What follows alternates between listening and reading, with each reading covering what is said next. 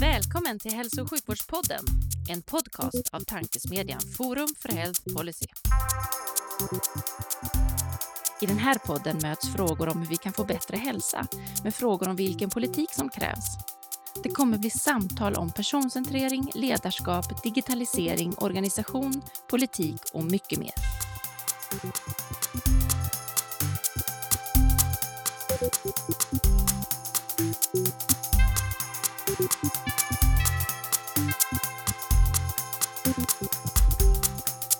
Hej och välkomna till ännu ett avsnitt av Hälso och sjukvårdspodden, tankesmedjan Forum för Health Policies podcast där vi diskuterar de stora frågorna inom hälso och sjukvården med initierade personer från densamma. Jag heter Magnus Lejelöw och arbetar till vardags för Colivia men även ambassadör för Forum för Health Policy.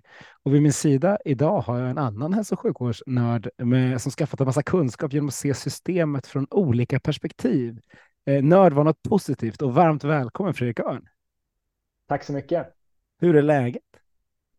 Tack, det är bra. Jättebra. Eh, härliga november är här. Eh, färgglada löv. Eh, det är jättebra. Det är, jättebra. Ja, det är precis som man vill att det ska vara Ja. när man ska spela, in- spela in podden en måndag lunch som det här är. Vi klämmer in det mellan allting annat. Precis.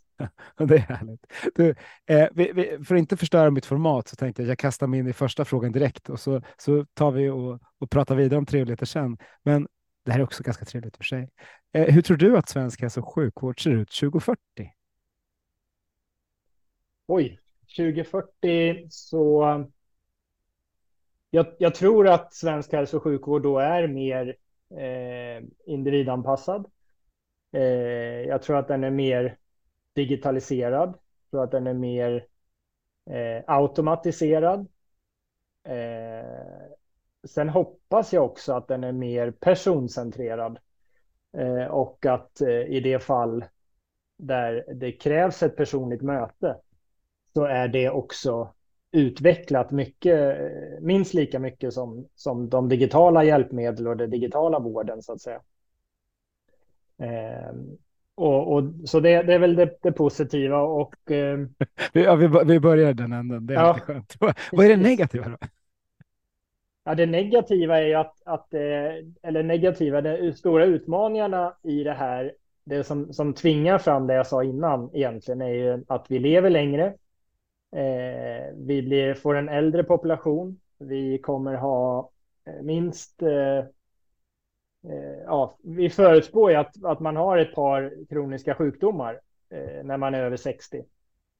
Men lever med dem så att säga och, och Eh, och det här kan ju tynga på systemet på olika sätt. Eh, och hur gör vi så att alla får vård som behöver? Eh, och hur hanterar vi kostnaderna för det? För kostnaderna för läkemedel och eh, medicinutrust, medicinteknisk utrustning på individer, eh, till individer eh, ökar ju stadigt eh, varje år. Och blir bara dyrare och dyrare. Så att Eh, Eh, det jag inledde med att säga det är, att jag tror eh, att den är mer digitaliserad, mer automatiserad eh, och individanpassad. Det är ju framtvingat av att, att vi måste helt enkelt. Det går inte annars. Bra. Många fina trådar att dra i. Du ställde också eh, några eh, retoriska frågor som du kommer att få tillbaka som, en käftsmäll om ett tag. Men du Fredrik, vem är du för, för att våra lyssnare ska, ska veta vem du är? Jag sa att du har liksom sett systemet från olika perspektiv och det, det har du verkligen om man tittar på det, liksom, din bakgrund. Men kan du inte Mm. berätta, vad, vad gör du idag och vad har du gjort för att komma dit? Idag är jag eh, director på Deloitte med ett konsultföretag. Eh, där ansvarar jag för hälso och sjukvårdskonsulting. Eh, eh, konsulttjänster, management consulting, eh, ofta kopplat till IT men också eh, annan, annan, annan typ av stöd och hjälp som, som vi erbjuder. Eh, och eh, har ju som du säger sett eh, på systemet från väldigt många olika perspektiv under de senaste 25 åren. Eh, och, och är ju för att jag är väldigt intresserad av det eh, på, på olika sätt och, och på systemnivå kan man ju säga. Att jag är ju sjuksköterska ursprungligen från Röda Korset här i Stockholm eh, och har jobbat kliniskt eh, och varit chef i klinisk verksamhet. Eh, jag har jobbat på Danderyds sjukhus, jag har jobbat på Karolinska sjukhuset eh, ganska många år. Ehm, och jag har några år utomlands, även då inom hälso och sjukvård och eh, till viss del i läkemedelsindustrin. Eh, som chef på ett eh, privat sjukhus i Bangkok i Thailand, bland annat. Och även i en entreprenörssetting i, i Sverige på ett, ett framsynt företag som heter Adexto som jobbar med eh, stöd till, till vården på olika sätt. Och senast innan Deloitte här nu så eh, var jag på Socialstyrelsen. Eh, jobbade på myndighet och eh, framförallt med den nya lagen för hälsodata, European Health Data Space. Du var ju på varenda scen i Vitalis som man kunde uppbåda. Ja, det var den, den stora frågan där i maj. Ja, men verkligen. Mm. Men, och, och, hur kom det sig att du, du lämnade det? För det kändes ändå som att det var liksom eh, att du var att, att, att det är någonting som du verkligen trodde på. Ja, jag, det tror jag fortfarande på. Sen är ju EHDS, eh, det finns ju fortfarande mycket att göra med EHDS. Eh, det är ju fortfarande i förhandling eh, och det ansvaret ligger hos socialdepartementet, inte hos myndigheterna. Eh, men det var, det var ju kul att kunna bidra Eh, och, och stötta eh, socialdepartementet i arbetet under ordförandeskapet, vilket Michel Silvestri från E-hälsomyndigheten och jag gjorde då eh, och hade hjälp av våra kollegor på respektive myndighet. Nu fortsätter förhandlingsarbetet och utförs då som sagt av socialdepartementet. Och, och, det är ju så, så det ska vara. Nu är det Spanien som är ordförande, eh, vilket ändrar ju arbetet lite för Sveriges del. Då blir inte lika omfattande, eller ska vi ska säga. Så att eh, jag, jag tänker inte att jag inte jobbar med European Health Data Space längre, utan jag håller mig ju ganska ajour med eh, hur det går. Eh, mycket tack vare eh, de nya kollegorna i de andra länderna mm. också.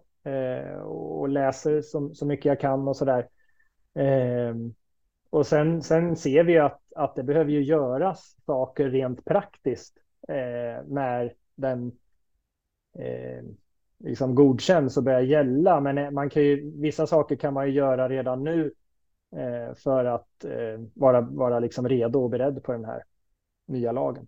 Mm. Absolut. Du som har hoppat mellan olika eh, liksom, typer av, av, delar i systemet, vad, vad, skulle du vilja att man tog med sig från det privata till liksom, sjuk, sjukhusen och myndighetssidan? Och vad skulle du vilja tvärtom, att man tar med sig från myndighetssidan och sjukhusen till det privata? Små lätta ja, frågor, förlåt. Ja, nej, nej, Ja, jätte, jättebra fråga faktiskt, eller frågor. Um, jag skulle säga att uh, från, från det privata, och då, då det, finns det olika typer av privata företag, med stora och små.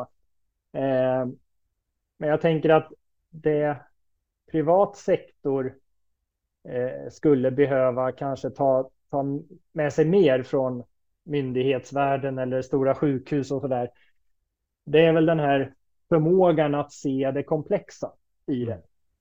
Och ta sig an det utmaningarna som de komplexa uppgifter det faktiskt är. Eh, Medan man i privat kan tycka att men jag har, här har jag en lösning. Mm. Ja, den ska också passa in i ett system. Eh, det, ska, det ska finnas en ersättningsmodell som passar. Det eh, ska finnas ett, ett underlag av patienter. Eh, de ska kunna använda den här, de ska förstå instruktioner och så vidare och, och de ska känna att det finns ett engagemang hos dem på individnivå att, att de vill använda den här produkten eller tjänsten eller vad det nu är. Eh, det är man ju naturligt, tycker jag, bättre på eh, i myndighets och den offentliga världen. Eh, och vad man skulle vilja kanske att man tog in i den offentliga världen, stora sjukhus, stora myndigheter och så där, från, från den privata sektorn, det är ju den här, eh, vilket jag tycker blir mer och mer viktigt, det är en förmåga att se vad som händer utanför eh, sin egen organisation. vad händer utanför väggarna?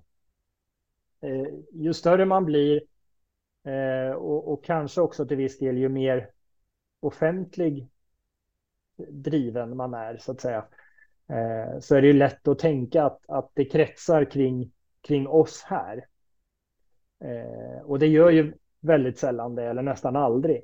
Eh, på den privata sidan så överlever man ju inte om man inte har koll på omvärlden eh, och har någon slags strukturell koll på det eller en, en struktur på hur man håller koll. Eh, och, och det kan, man kan ju uppleva det som en, som en säker tillvaro att vara på en, i en jätteorganisation eller en, en, en myndighet eh, så att man inte behöver titta sig omkring. Och det eh, har jag sett eh, och upplevt att, att eh, man behöver göra det mycket bättre. Mm. Eh, bra reflektioner. Det, för du har, du har en så härlig palett av olika liksom, bakgrund i både stora och små bolag, eh, men också just olika sjukhus och myndigheter. Det är, det är få förunnat att få ha, ha rört sig så mycket och ändå stannat ganska länge på de flesta uppdrag. Eh, om, man, om man tittar på en sak som sticker ut är det där med att driva ett sjukhus i Bangkok. Ja.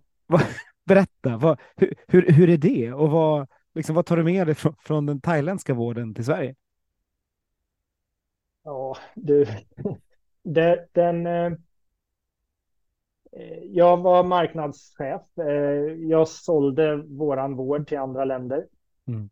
Och eh, det innebar att vi hade personer som reste till oss för vård.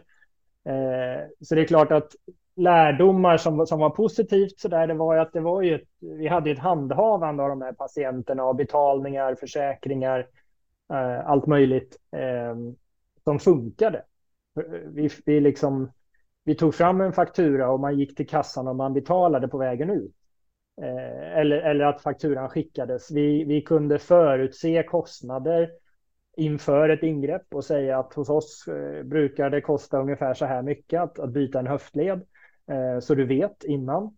Sen kan det bli eh, lite mer och det kan ibland bli lite mindre. Men någonstans här. Så vi hade ju väldigt mycket, vi hade väldigt koll på siffrorna. Vi visste att vända oss till, till vi jobbade jättemycket med ambassaderna i, i stan, i Bangkok. Vi jobbade med försäkringsbolagen. Vi jobbade med apoteken. Eh, vi jobbade med... Eh, så på apotekssidan inledde jag samarbeten så att det blev... Var man kund på apoteket så var det lättare att vara kund på sjukhuset.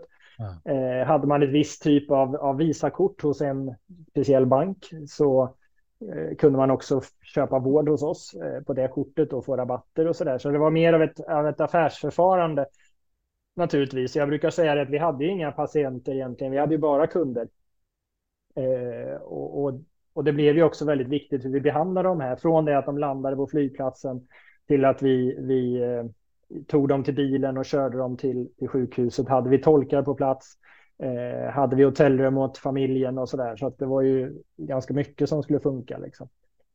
Eh, sen, sen är det så mycket saker i svensk sjukvård som, som är på en, på en helt annan nivå. Liksom, med, i, i, eh, i termer av eh, kunskaper eh, baserat på forskning, erfarenhet, eh, teamarbete, eh, respekt för varandra på ett annat sätt än, än där.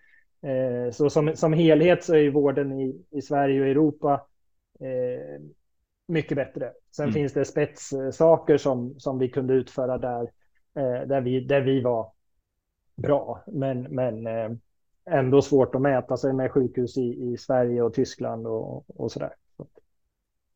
Men det, det du ändå har gjort, som, som inte så många har gjort, är att få sälja in liksom ett sjukhus eh, och sälja in vad som är, vad som är bra och unikt med det. När, när du kom tillbaka och började jobba på Karolinska, vad, tog du med, vilka av de här, så här införsäljningsargumenten tog du med dig och vilka tyckte du skilde sig när du kom hit? Förutom att då kvaliteten och, och hierarkierna så här var, var annorlunda. Jag kunde ju ta med en del eh, och vi resonerade mycket kring det där. Eh, och sen blev det också att, att det blev en sån krock med Eh, vi hade ju, I Sverige så har vi ju kvaliteten som vi skulle kunna sälja på. Eh, så att säga sälja med. Men det, det, är ehm, inte, det är inte så ofta den vi säljer, utan vi säljer ju mest bemötande och tillgänglighet. Ja, det är sant. Eh, och, och, det kan vi också göra. Eh, men vad, är, vad lägger du i bemötande? Eh, och, och, det är ju, då tänker man ju bedside. Eh, man tänker vad, hur, säger, hur bemöter läkaren mig, sjuksköterskan, sjukgymnasten eh, och så där. Eh, men, men det börjar egentligen på webben. hur upplever jag kontakten med det här sjukhuset? Kan jag få reda på, på sakerna jag vill mm. veta i förväg? Har de automatiserat kundtjänsten här? Har de tagit reda på vilka frågor som är vanliga att, att vi ställer? Så att man kan läsa sig till det. Om, kan jag betala med mitt eh, American Express på vägen ut? Eh, nej, det går inte för fakturan är inte klar. Det tar tre månader. Eh, så att det blir en annan. Nu kan ju det ha ändrats sen, sen jag tittade på det här, men, men jag vet inte. Eh, så att det, det gör att det blir ett annat språk liksom, kring de här mm. sakerna. Kvaliteten är bra, bemötandet är bra, eh, tillgängligheten är nog ofta bra för, för internationella patienter med svåra åkommor. Eh, så, så att det blir ändå två, två olika världar. Om man, om man, i, I Thailand ville man ju ofta sälja sjukvården för att den var bra prissatt. Eh, och då är det lätt att säga att den är billig. Mm. Eh, och det var inte så många som ville höra det. Eh, men å andra sidan, våra stora marknader var Indien, Vietnam, Indonesien. Eh, och det är en miljard eh, befolkningar liksom ah. där. Så att de, de kanske också skulle komma eh, när vi sa billigt liksom för att de hade inget alternativ. Ja, spännande. Det, coolt att ha sett någon sån annan del av världen. Jag mm. frågar liksom olika personer i den här podden vilka, vad, vilka, vilket system man tittar på för att få erfarenhet och kunskap. Och det är väldigt sällan det thailändska systemet som kommer upp som, som det, man, det man tittar efter. Liksom. Nej. Nej, men det, och det är väl eh, Hur det, det är väl bra, skulle jag vilja på säga, till viss del. Men jag ska inte förkasta det, det är inte det jag gör. Det finns jättemycket där som man kan åka och lära av. Ja, ja. För att eh, vill man, vill man liksom ha en bra upplevelse av sjukvården så är det mycket som görs i Thailand som bidrar till upplevelsen så att den blir bra. Eh, men sen är det ju en, en, den, en, tyngdpunkten måste ju ändå ligga vid själva behandlingen och ingreppet. Eh, och och där, där är vi eh, i Sverige så, så långt före med våra kunskaper och, och så. så att det, Precis. Nu kommer en fråga som formulerades i, i, mitt huvud när jag satt och tittade på den fina bokhyllan bakom det. För ni ska se, ni som, ni som inte ser det, men Fredrik har en massa böcker bakom sig. Det är allt från bok om Michelangelo till sjukvårdslitteratur och citatboken. Men så står också boken Konsulterna där bakom. Eh, mm. Och den kom ju när du jobbade på Karolinska. Ja, stämmer. Och nu jobbar du som konsult mot hälso och mm. sjukvård. Hur, ja. var liksom, hur, hur var det då och, och hur, hur, hur, hur, gör du för att det inte ska bli som det som ibland beskrivs som lite negativt i den här boken? Mm. Ja, vi, vi, dels så pratar vi om det internt. Jag har ju varit konsult i, av och till under ja. de här 20 åren också. Så att, det är därför jag vågar ställa en sån fråga till ja, dig. Precis. Eh, det finns ju olika sätt att, att vara konsult på. Eh, och det är klart att det kan vara svårt om man är eh, upplever sig eller, eller inte har så djupa kunskaper om det området man, man verkar i. Eh, och, och, då behöver man nog lite coaching i hur, hur man beter sig. Eh, och, och, kanske lite utbildning, inte minst, eh, kring systemet och, och, så vidare.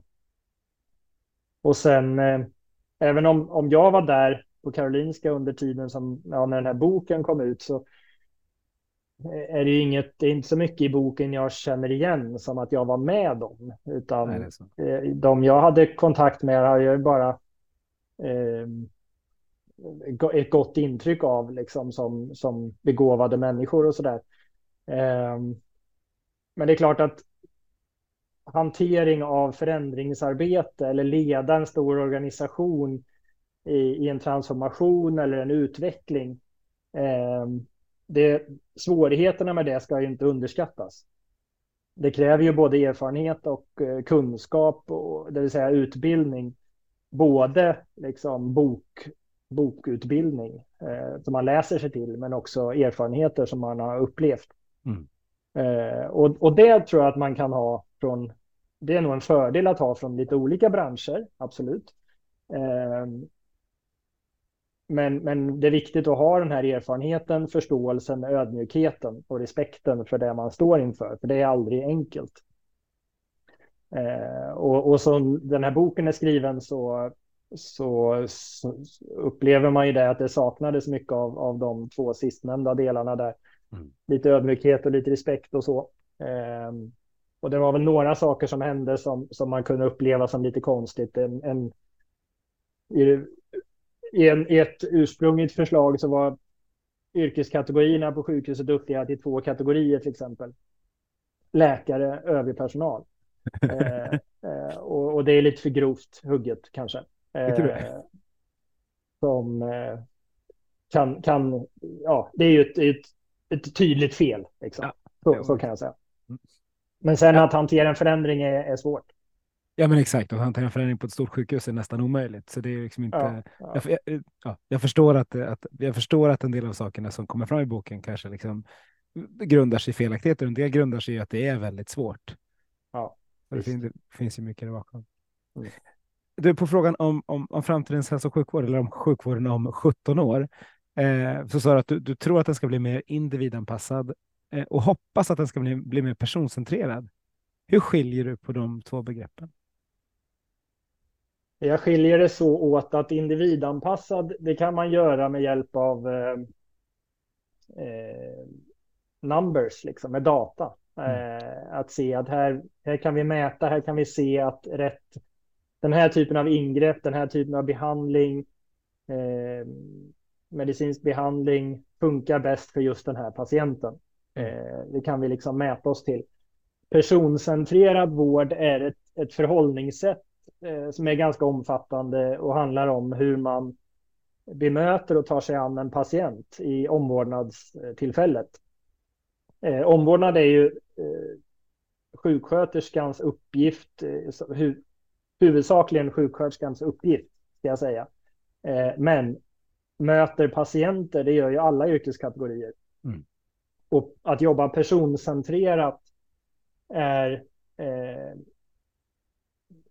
det finns några grundläggande saker i där som handlar om hur man hittar drivkraften till exempel hos patienten. Där vi vet att om patienten har en, en, ett mål, en vision eller en dröm kanske snarare. Eh, kan man fiska fram den så, så har den mycket större möjligheter att bli frisk med hjälp av de här. Man vet varför man vill bli frisk. Liksom. Mm. Är det för att eh, jag vill vara med på mina barns student? Är det för eh, någonting annat i, i livet liksom utanför. Man, man tittar liksom bortanför patienten på personen och ser hur ser livet ut eh, runt omkring. Liksom. Tror du på Gud? Tror du inte på Gud? Eh, läser du? Lyssnar du på musik? Eh, går du på teater? Eh, har du några upplevelser kvar du vill, du vill uppleva eh, som du inte har hunnit? Eh, Ja, just, det, det, är någonting jag gärna vill göra. Liksom. Eh, och det behöver inte vara något, något stort, men, men eh, det finns en otrolig kraft i det. Och jag tror och hoppas att ju bättre vi blir på att digitalisera vården och jobba med data så blir det mer utrymme till eh, att göra de här mötena bättre. Mm. Vi, vi jämför ju ofta med jobba hemifrån eller jobba på distans. Och så säger man att det är, ja, det är jätteskönt. Eh, Teams funkar ju bra och eh, vi kan mejla och vi kör Google Meet och så där. Eh, och ska jag, vad ska jag åka in till jobbet för? För då, de här mötena kan jag ju ha hemma. Eh, men jag, jag, gillar ju att åka in. Jag gillar att åka till kontoret eh, för att träffa andra. Och det är väl det som. Eh, det måste ju finnas ett syfte syfte, någon slags mening för att, att åka dit. Och, och mm. det är lite samma med vården, att det är jättemycket vi kan göra på distans. Men när man är riktigt sjuk och är, sitter där och är patienten eh, och du har fått ditt besked eller ska få ett besked om, om en, en sjukdom som har brutit ut, eh, då är det ganska bra att, att kunna träffas eh, face to face och att det mötet blir så bra som möjligt. Liksom. Ja, visst är det så att man gör olika, alltså för nu när vi sitter hemma och spelar in en podd på det här sättet som vi gör nu, så funkar det rätt bra eftersom vi ser varandra. Vi kan liksom ha ett, ett enskilt samtal och många uppgifter som man gör, gör man nästan bättre hemma i någon slags ostördhet om man har den typen av jobb. Men så finns det massa saker som, som ju är mycket mer lämpliga för, för att göra när man ses. Så det gäller väl att man lyckas, lyckas välja ut dem och göra på rätt sak. Och min bild av vården är inte riktigt att det här är en av eh, styrkorna i vården att vara liksom flexibla och dynamiska i sin approach till, till omvärlden och individerna. Vad, vad tror du? Tror du att vi kommer att, att kom, komma dit snabbt eller tror du det kommer motstånd?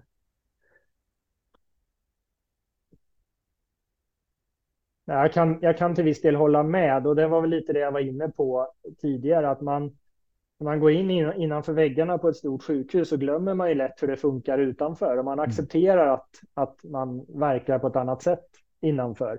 Varför kan vi inte ta med oss dynamiken in och varför kan vi inte eh, försöka hitta den här meningsfulla tillvaron som säger att men, gör, vi gör det självklart för de här, den här patientgruppen att komma hit. Mm. När de kommer hit så ska de känna att vi finns här för dem och att det ska vara självklart varför de är på plats och inte på något annat sätt. Liksom.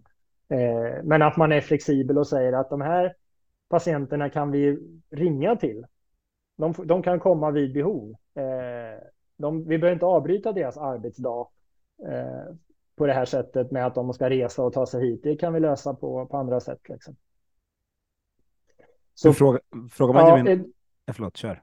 Nej, för du sa också tror jag det finns motstånd och det tror jag att det alltid finns. eh, så att eh, det, um, det, jag tror att det kommer gå fortare och fortare, den här ja. utvecklingen. Det tror jag. Nu har vi 17 år till 2040. Eh, det går ganska fort. Eh, men, men, och det är väl det man måste komma ihåg. Det är jättekul att prata om visioner och framtidens sjukvård och så där. Det tycker vi om. Ja. Eh, vad man inte får glömma är att, att det är ju ett gnet. Liksom. Det är ju ett, hela tiden jobba hårt, skruva lite här, lite där. Eh, och, och, så nu tar vi ett lite större steg och det handlar om liksom en två veckors arbetsinsats för det här. Men det är hela tiden små saker som behöver göras. Eh, bemanningsfrågan, eh, uppdatering av, av eh, schemaprogram, journalsystem och det här. Eh, som, som kan tyckas lite tradigt, men det är ju det som ska ta oss till, till framtiden. Det går ju inte att göra på något annat sätt riktigt. Nej, och det kan tyckas lite tradigt att hålla med. Det kan framförallt tyckas som att, i alla fall från utsidan, som att det är så mycket arbete som sker hela tiden som måste ske och som ska vara, liksom, man ska ha patienten i fokus eller personen i fokus. Att man inte hinner med det där liksom, utvecklingen, att det sker utanför den ordinarie verksamheten. Mm. Eh, riskerar vi inte att det blir mer av det i och med att vi blir färre som ska ta hand om fler?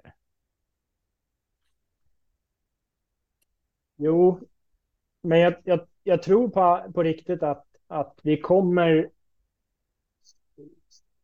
snart se att vi, må, vi tar de här digitala kliven som vi tvingas ta. Liksom. Och jag tror att det kommer bli eh, jag tror att det kommer bli bättre. Eh, och att vi eh, ja, jag tänker att vi får till det. Om vi, om vi kan hålla fast vid, vid visionen så att säga. Det här ser vi blir framtidens vård. Men att vi samtidigt inte glömmer att det innebär hårt arbete. Mm. Det behövs eh, stöd i det lilla. Eh, det behövs planering. Eh, det behövs hårt arbete. Eh, det görs inte av sig självt. Eh, och att liksom parallellt med sjukvårdsverksamheten så ska forskningen fortgå eh, och, och någon slags utveckling däremellan. Liksom. Mm. så ja, jag, jag jag tänker positivt. Jag tänker att det blir bättre och inte sämre. Eh, det gör jag. Men, men just nu är det ju tuffa tider. Och, och jag håller med, jag är också som du vet en positiv jävel som ja. tror att det ska bli bättre allting. Men då, då, då har man ju förmånen att kunna ställa de här svåra frågorna ibland och fundera på okay, vad, vad, är det som, vad är det som är utmanande. Eh, och en sak du nämnde också är att vi kommer automatisera mycket och det tror jag också. Men, men om du får liksom, sitta med spåkulan, vad, vad, tror du vi kommer automatisera först? Vad, liksom, vilka, vilka processer kommer vi börja med? Och Och när jag kommer in i hälso och sjukvården 2040, vilka processer kommer jag bli förvånad över att vi har automatiserat? Ja, jag, jag tror att det är mycket i, i stödfunktionerna på ett, i hälso och sjukvården som kommer att automatiseras. Mm. Eh, jag tänker att journal, att föra journal ska vi ju ta så långt automatiskt det bara går. Eh, att att man, man, man dikterar in och det blir en anteckning liksom, som sparas. Eh, det är helt eh, absurt, absurt att det inte är så nu. Ja, det, man mycket... väntar sig lite att, att någon eh, går, går i bräschen liksom och säger ja. men vi, vi gör det här. Det, det, vi, det finns exempel på när, när det görs, men inte i Sverige. Eh, och, och, inte mig vetligen i alla fall. Det, det, är en sak. Sen är det de här kring, kopplat till det ska jag säga först, eh, är ju de här kvalitetsregistren mm. som, som eh, av massa olika skäl tvingar oss till dubbeldokumentation, dubbel och trippel liksom. Dokumentation blir väldigt omständigt. Eh, och, det, och så när det görs så är det jättebra. Kvalitetsregistren har ett jättestort värde för, för forskning, för utveckling. Skulle vi bara vara lite snabbare med den här inmatningen så skulle vi kunna ha nytta av det mycket tidigare i en ganska enkel utveckling av processer som inte behöver vara kopplat till forskning. Och sen, sen tänker jag på, på stödfunktionernas processer. Ekonomifunktionen, eh, HR-funktionen, där, där kan vi ju faktiskt använda AI för att automatisera väldigt mycket. Och det kommer märkas för, på, på, för patienterna indirekt tror jag. Eh, jag tror att det kommer automatiseras väldigt mycket som inte direkt syns för en, för en patient. Eh, men att vi kanske kan bli bättre då på, vi kommer ha bättre lokaler, vi kommer ha en bättre vård i, i slutändan för att vi inte lägger resurser på eh, personer utan att de kan göra annat där, där det måste vara människor inblandade. Liksom. Mm. Ja, det, det låter rimligt. Man, man, men jag blev som sagt, det borde ju ske. Det borde ju ha skett redan nu. Och jag pratade i den här podden med en ambulanssjuksköterska för några avsnitt sedan. Och, och, och, i samtalet så inser jag så här, men det här borde ju vara gjort. Och det är klart att man på akuten ska veta om vad de pratar om i ambulansen utan att man ska behöva skriva något. Mm. Det, gör vi ju dagligen, fast via telefoner i vårt vanliga liv. Ja. Hur, kan man inte, hur kan vi inte ha prioriterat det i, i vården? Eller hur har vi inte fått till det? Ja, ja det, jag, jag har ju lyssnat på dig några gånger sådär. Du återkommer ju till, till just det här några gånger, att varför, varför får vi inte till det? Absolut. Varför gör vi det inte? Eh, och sådär. Och det, det är en bra... och jag, jag, vet ju lite svaret på den också, men jag tycker jo, att det är roligt att ställa. Jo, ja, det, jo, men jag tycker att det är en bra fråga liksom. Eh, och, och, å ena sidan, det vet ju både du och jag, du sa ju det precis, att det händer ju väldigt mycket. Vi får ju till ganska mycket. Eh, så är det ju. Eh, och sen är det väl vissa kanske grundläggande saker som vi eh, kunde önska att vi skulle få till för, för data, portabilitet, operabilitet, eh, datasäkerhet och sådär. Och det här har jag... Ja, jag höll på att säga inga belägg för, men det är väl ungefär som med allt annat som vi har pratat om här innan. Det är ju en upplevelse. Mm. Beläggen är ju lite olika kanske. Ja, det följer med podd. Vi har inga liksom, källhänvisningar utan vi kan exakt, prata om exakt. saker. men, men det jag kan uppleva är att det blir att vi måste vara bättre på att samarbeta. Vi, vi måste bli bättre på att säga att ja, men undrar om vi inte ska köra på ert sätt nu och så gör vi det så har vi samma. Mm. Det, jag upplever att, att man säkert på goda grunder förespråkar en viss metod eller modell eller standard eller vad det nu kan vara. Eh, Eh, det tar lite för lång tid att komma överens. Liksom. Och då är det så här, antingen så blir vi, ska vi bli bättre på att komma överens. Eh, och det gillar vi i Sverige, att det ska vara någon slags konsensus. Eh, eller så får någon gå in och säga att nej, vet ni vad, nu, det här är standarden som gäller. Det är så här vi gör. Eh, för att vi måste, vi måste komma vidare. Liksom. Och det är nog ofta kopplat till de här sakerna jag nämnde då med, med datahantering.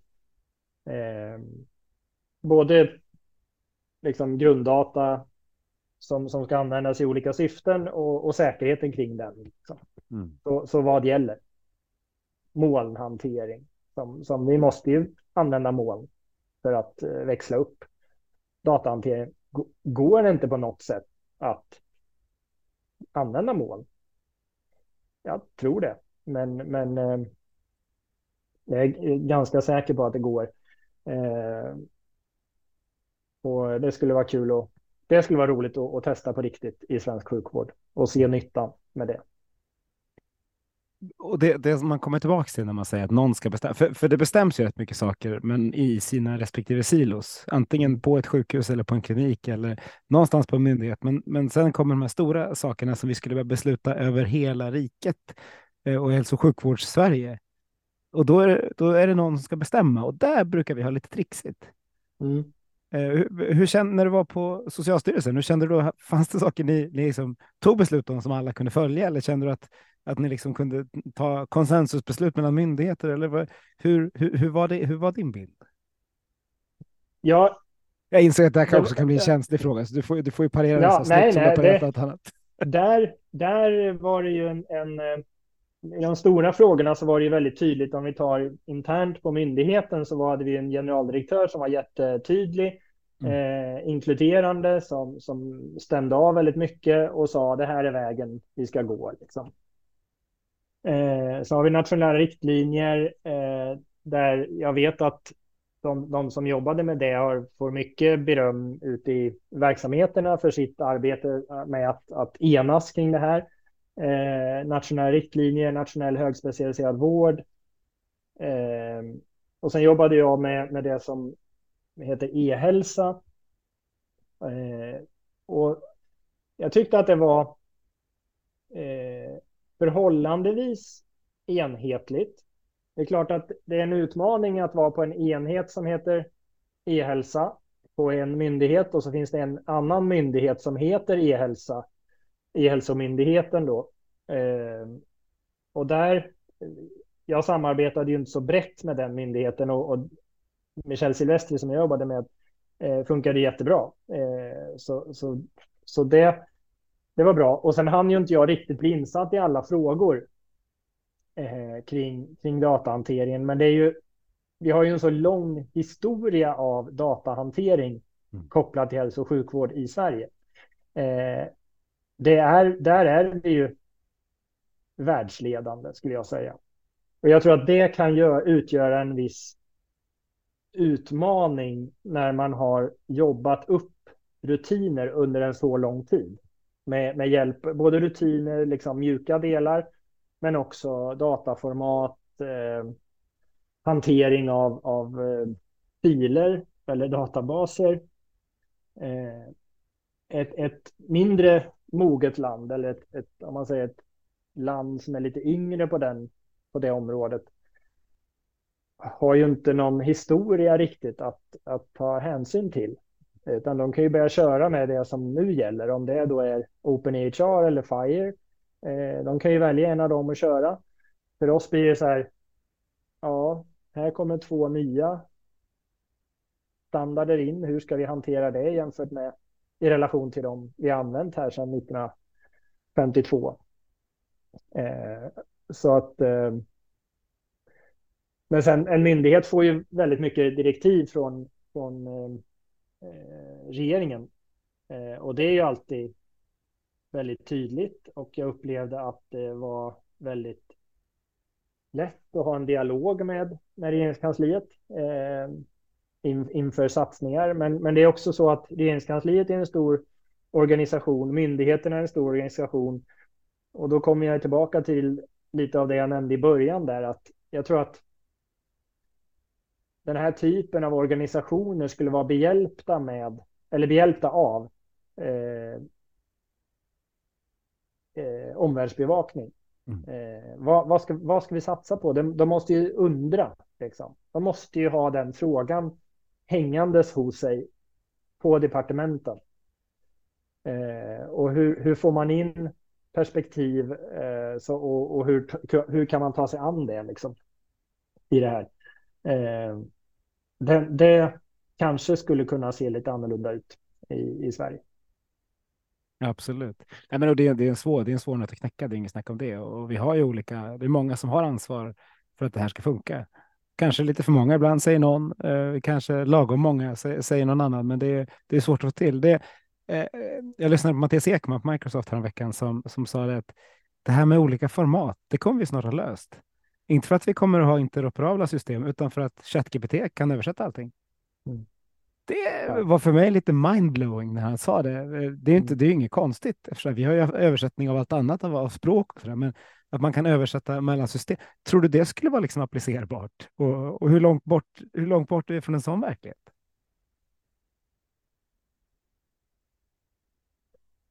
Ja, eh,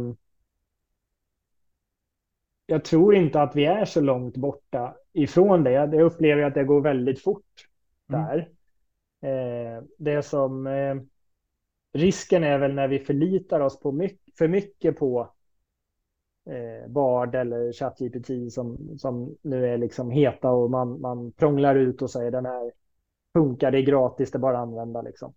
Mm. Um, så det är väl återigen, vi är en av dem då, men att vi, vi ska ju också veta att det funkar liksom. Eh, och, och det är ju viktigt, men det är ju återigen då att uh, Mattias Ekman eh, representerar ju näringslivet och det är just det här in, de här inspelen som behövs. Mm. Eh, så att antingen för att det ska vara mindblowing och någon ska säga att jaha, men vad bra. Eller trigga lite grann och säga det, provocera kanske.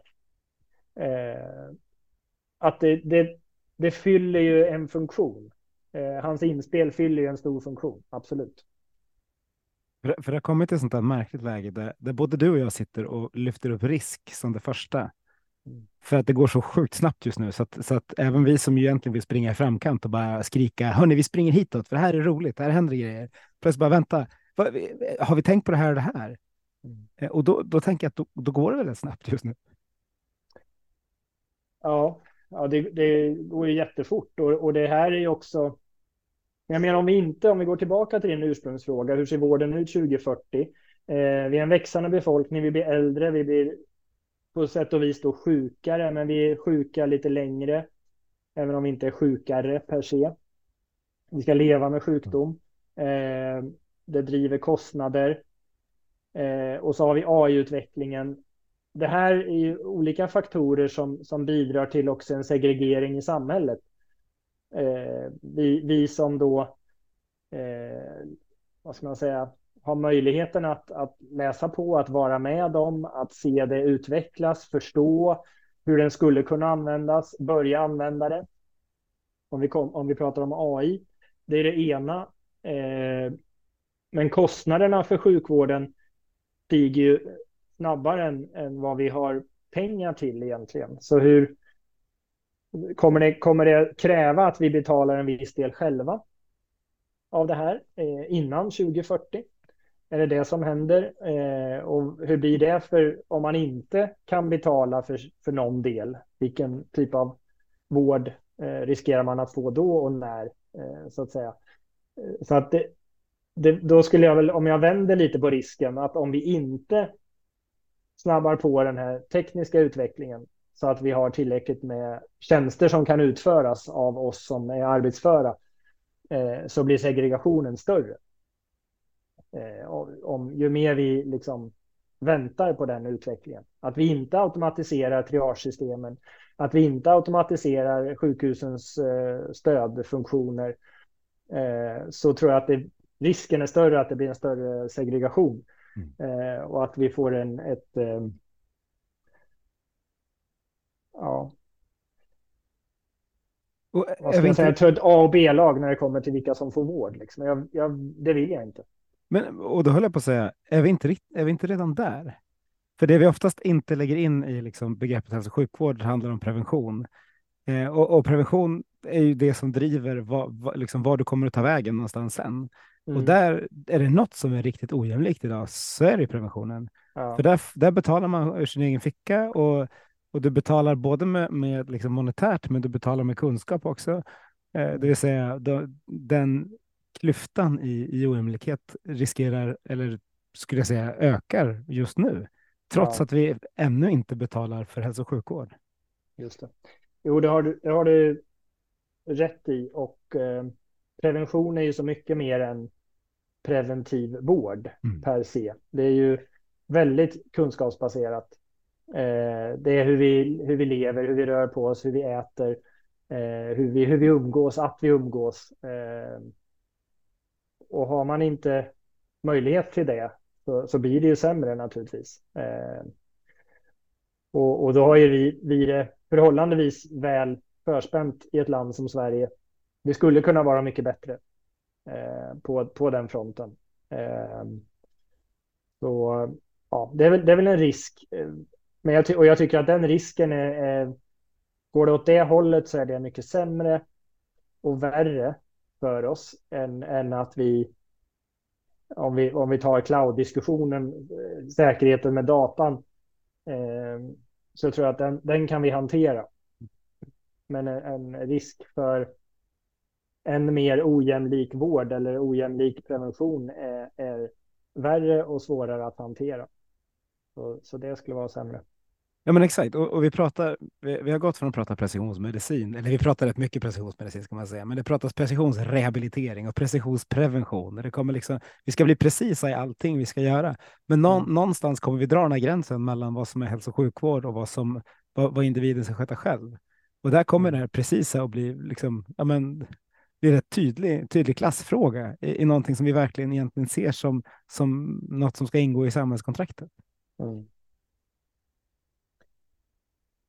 Jag spelade in en podd, podd häromveckan med Maj-Lis Helenius. Eh, Mm. Och mitt i podden så, så ställde hon sig upp och, och gjorde tio liksom, knäböj. Eh, Okej. för, för, att, men, så Ja. vi, det måste man göra en gång i halvtimmen. Jag håller med. Men Ja. Du sa inte emot. jag, satt, jag gjorde också det. Det blev en Ja, bisarr ja. Ja. poddupplevelse. Men, men också, det säger något om att säga, men har man kunskapen och förstår man att man ska göra det och gör det, då kommer, då kommer man ju att liksom eh, må bättre och, och, och, och leva bättre. I varje fall vad är det det som är för, liksom, går att förebygga.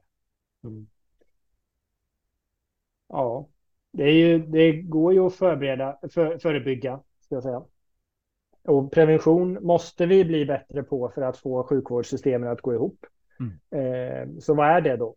Eh, och hur gör vi med det? Ser vi till att skolorna är tillräckligt bra över hela landet, över, över en hel stad? Eh, är, det, är det jämnt fördelat? Eh, gör vi vad vi kan för att fördela kunskapen? Eh, vi vet ju hur stor skillnad det är i livslängd mellan eh, Sätra och eh, Danderyd. Mm. Eh, går det att, att göra någonting åt eller har de liksom som, som har det bättre då, som lever längre, eh, har de levt sitt liv så att de därmed förtjänar att ha det bättre per se liksom.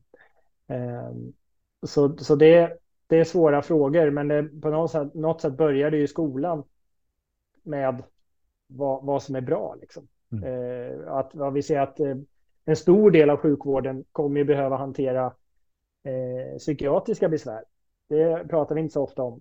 Eh, eller vi har inte gjort det idag i alla fall, det är klart det pratas om. Men eh, vad, vad gör vi åt, åt det? Finns det någonting vi kan göra för att minska på eh, psykiatriska besvär hos, hos ungdomar som, som bara ökar och ökar? Och, och var ska det sluta när de är 32 eh, och har varit lite, lite sådär under kanske 10-15 år? Mm. Eh, och så ska de leva vanligt och bidra till samhället. Eh, hur kommer det gå? Liksom? Ja, men precis. Jag läste en debattartikel i GP här i, i förra veckan som handlade om att skolkuratorerna, det är så lite personal på, på, i skolan så att skolkuratorerna får vara rastvakter under rasterna istället för att vara kuratorer under den perioden de faktiskt behöver vara det. Mm. För någon gång eleverna kan gå och prata med en kurator så är det under rasten. Ja. Då tappar du liksom hela poängen redan tidigt.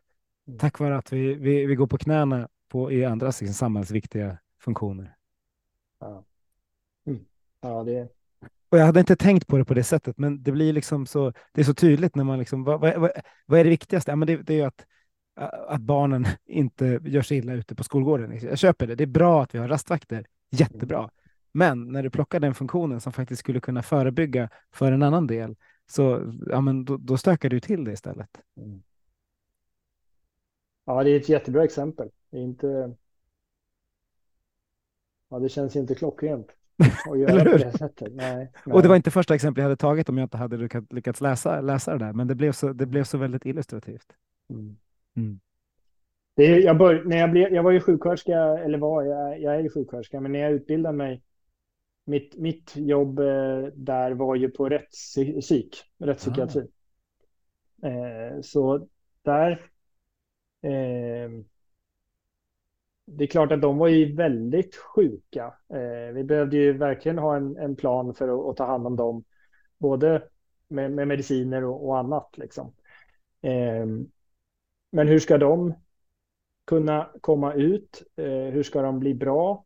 Eh, det, det, kan jag slås av ibland. Är de, är de ute ens nu? Eh, 20-25 år senare? Eh, hur ser deras liv ut? Och sen blev det ju så tydligt med de här svårigheten med det där.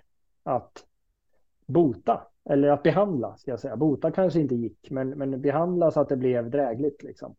Eh, och, och det är ju det som är faran med den här eh, psykiska besvären som, som vi ser eh, kommer mer och mer i tonåren. Hur, hur, hur blir man av med det och hur blir det bättre? Eh, behandlingsbart. Eh, även om det inte går att bota. Vi kanske, vi kanske kan acceptera att en viss del inte går att bota, men vi skulle önska att det går att behandla så att man kan leva ett liv. Liksom. Eh, och eh, det, det, är, det, kräver, det kräver absolut digitalisering, men det kräver också personer mm.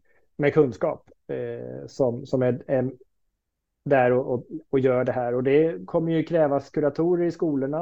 Eh, och det kommer krävas kunskap hos föräldrar.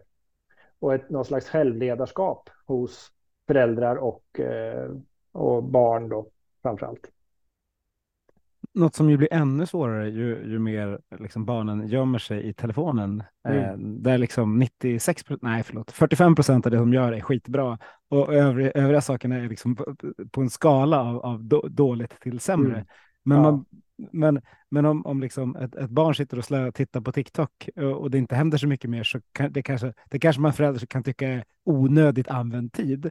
Eh, men, men däremot de där sista fem procenten som kan vara rent skadliga, hur, hur, fång, hur, ska vi fånga upp dem? Mm. Här, här, frågar jag också som, som, som desperat far. Ja, ja visst. Nej, det är samma, samma situation. Ja, det är jättesvårt. Eh, det är ju en, en eh, det är ett sätt eh, att tillhöra också. Mm. Men jag, jag var ju jag lyssnade när du pratade med Emma Lovén och jag tror att det var hon som sa att man, man säger det ska ju mycket till i alla fall innan man säger att men vad bra att du kan stå i rökrutan, då har du ju kompisar. Eh, och, och, det skulle man ju inte kanske föreslå. Känner du själv på skolgården för att och kuratorerna är rastvakter, gå, gå till, rast, till rökrutan. Eh, och någonstans blir det samma liksom. Man vill tillhöra. Mm. Eh, så man är på TikTok och Snapchat. Precis, och där får man tillhöra i, i en större mm. utsträckning, mm. men man kan också bli utsatt för saker som man inte vill, eh, mm. vilket ju liksom, och vi föräldrar ser ingenting. Ja, det är förrädiskt på det sättet. Ja, rökrutan, eh. rökrutan hade ju sin fördel, liksom, att den var väldigt, mm. väldigt öppen. Just det. Mm. Nackdelen var att du rökte i den. Liksom. Ja, det, exakt. Mm. du Fredrik, nu har vi, har vi kommunicerat i typ en timme. Eh, mm. Ett jättetrevligt samtal eh, med många trådar. Eh, jag har fortfarande bara ställt en, den första frågan egentligen. Sen har vi liksom spunnit vidare runt om den. Men, men, när du kom in i det här samtalet, var det något du hade velat prata om som du känner att det här har jag inte fått prata om? Nej, jag, håller, jag säger väl som du. Det var en fråga och sen har vi ju spunnit vidare på det. Jag, jag känner att vi har pratat om det mesta som jag tänkte på innan. Eh, det, det är väl det här det centrala med eh, vården kommer att utvecklas. Eh, det, ja, det är väl det här då kanske att kopplat till det här med att man är dålig på omvärldsbevaka. De här förändringarna som kommer med digitalisering, de mm. kommer ju hända ändå. Liksom. Så om, eh, nu är det ju inte säkert att våra wearables om, kommer omfattas av EHDS till exempel. Men vi använder dem ändå. Eh, och, och rätt vad det är så dyker det upp någon som säger att ja, men jag är intresserad av vad du har i din Fitbit eller Apple Watch. Eh, så att om man inte anpassar sig till de här megatrenderna och, och får dem att verka för en istället för, för att stångas emot. Eh, då kommer det dyka upp andra aktörer eh, på, på sjukvårdsmarknaden, om vi säger så då. Eh, så att alla de här stora trenderna, eh, digitalisering, globalisering eh, och vad, vad det nu har, det får ju varje liksom organisation och i vår värld då varje, varje vårdnivå titta på vad innebär det här för oss. Eh, Karolinska och Sahlgrenska akademiska, de kanske tittar på precisionsmedicin och säger men det här, det här är våran grej. Eh, Medan en, en eh, vårdcentral eller ett mindre sjukhus eh, får eh, titta på andra saker som, som passar deras verklighet. Men man kan inte säga, men det där, vi gör inte det. Vi gör inte digitalisering. Vi automatiserar inte. Då gör någon annan det. Mm. Eh, så att jag tror att det är väl det. Det ska man inte glömma, att det kan dyka upp andra. Och det gör det. Mm. Så det var väl det som jag hade kanske velat säga också. Ja, men det fick du göra nu. Det, var, ja. det blir bra liksom, sammanfattande sista ord då helt enkelt. Men du, tackar varmast Fredrik för att du var med i Hälso sjukvårdspodden. Tack själv, det var jättekul. Han med dig. Mm.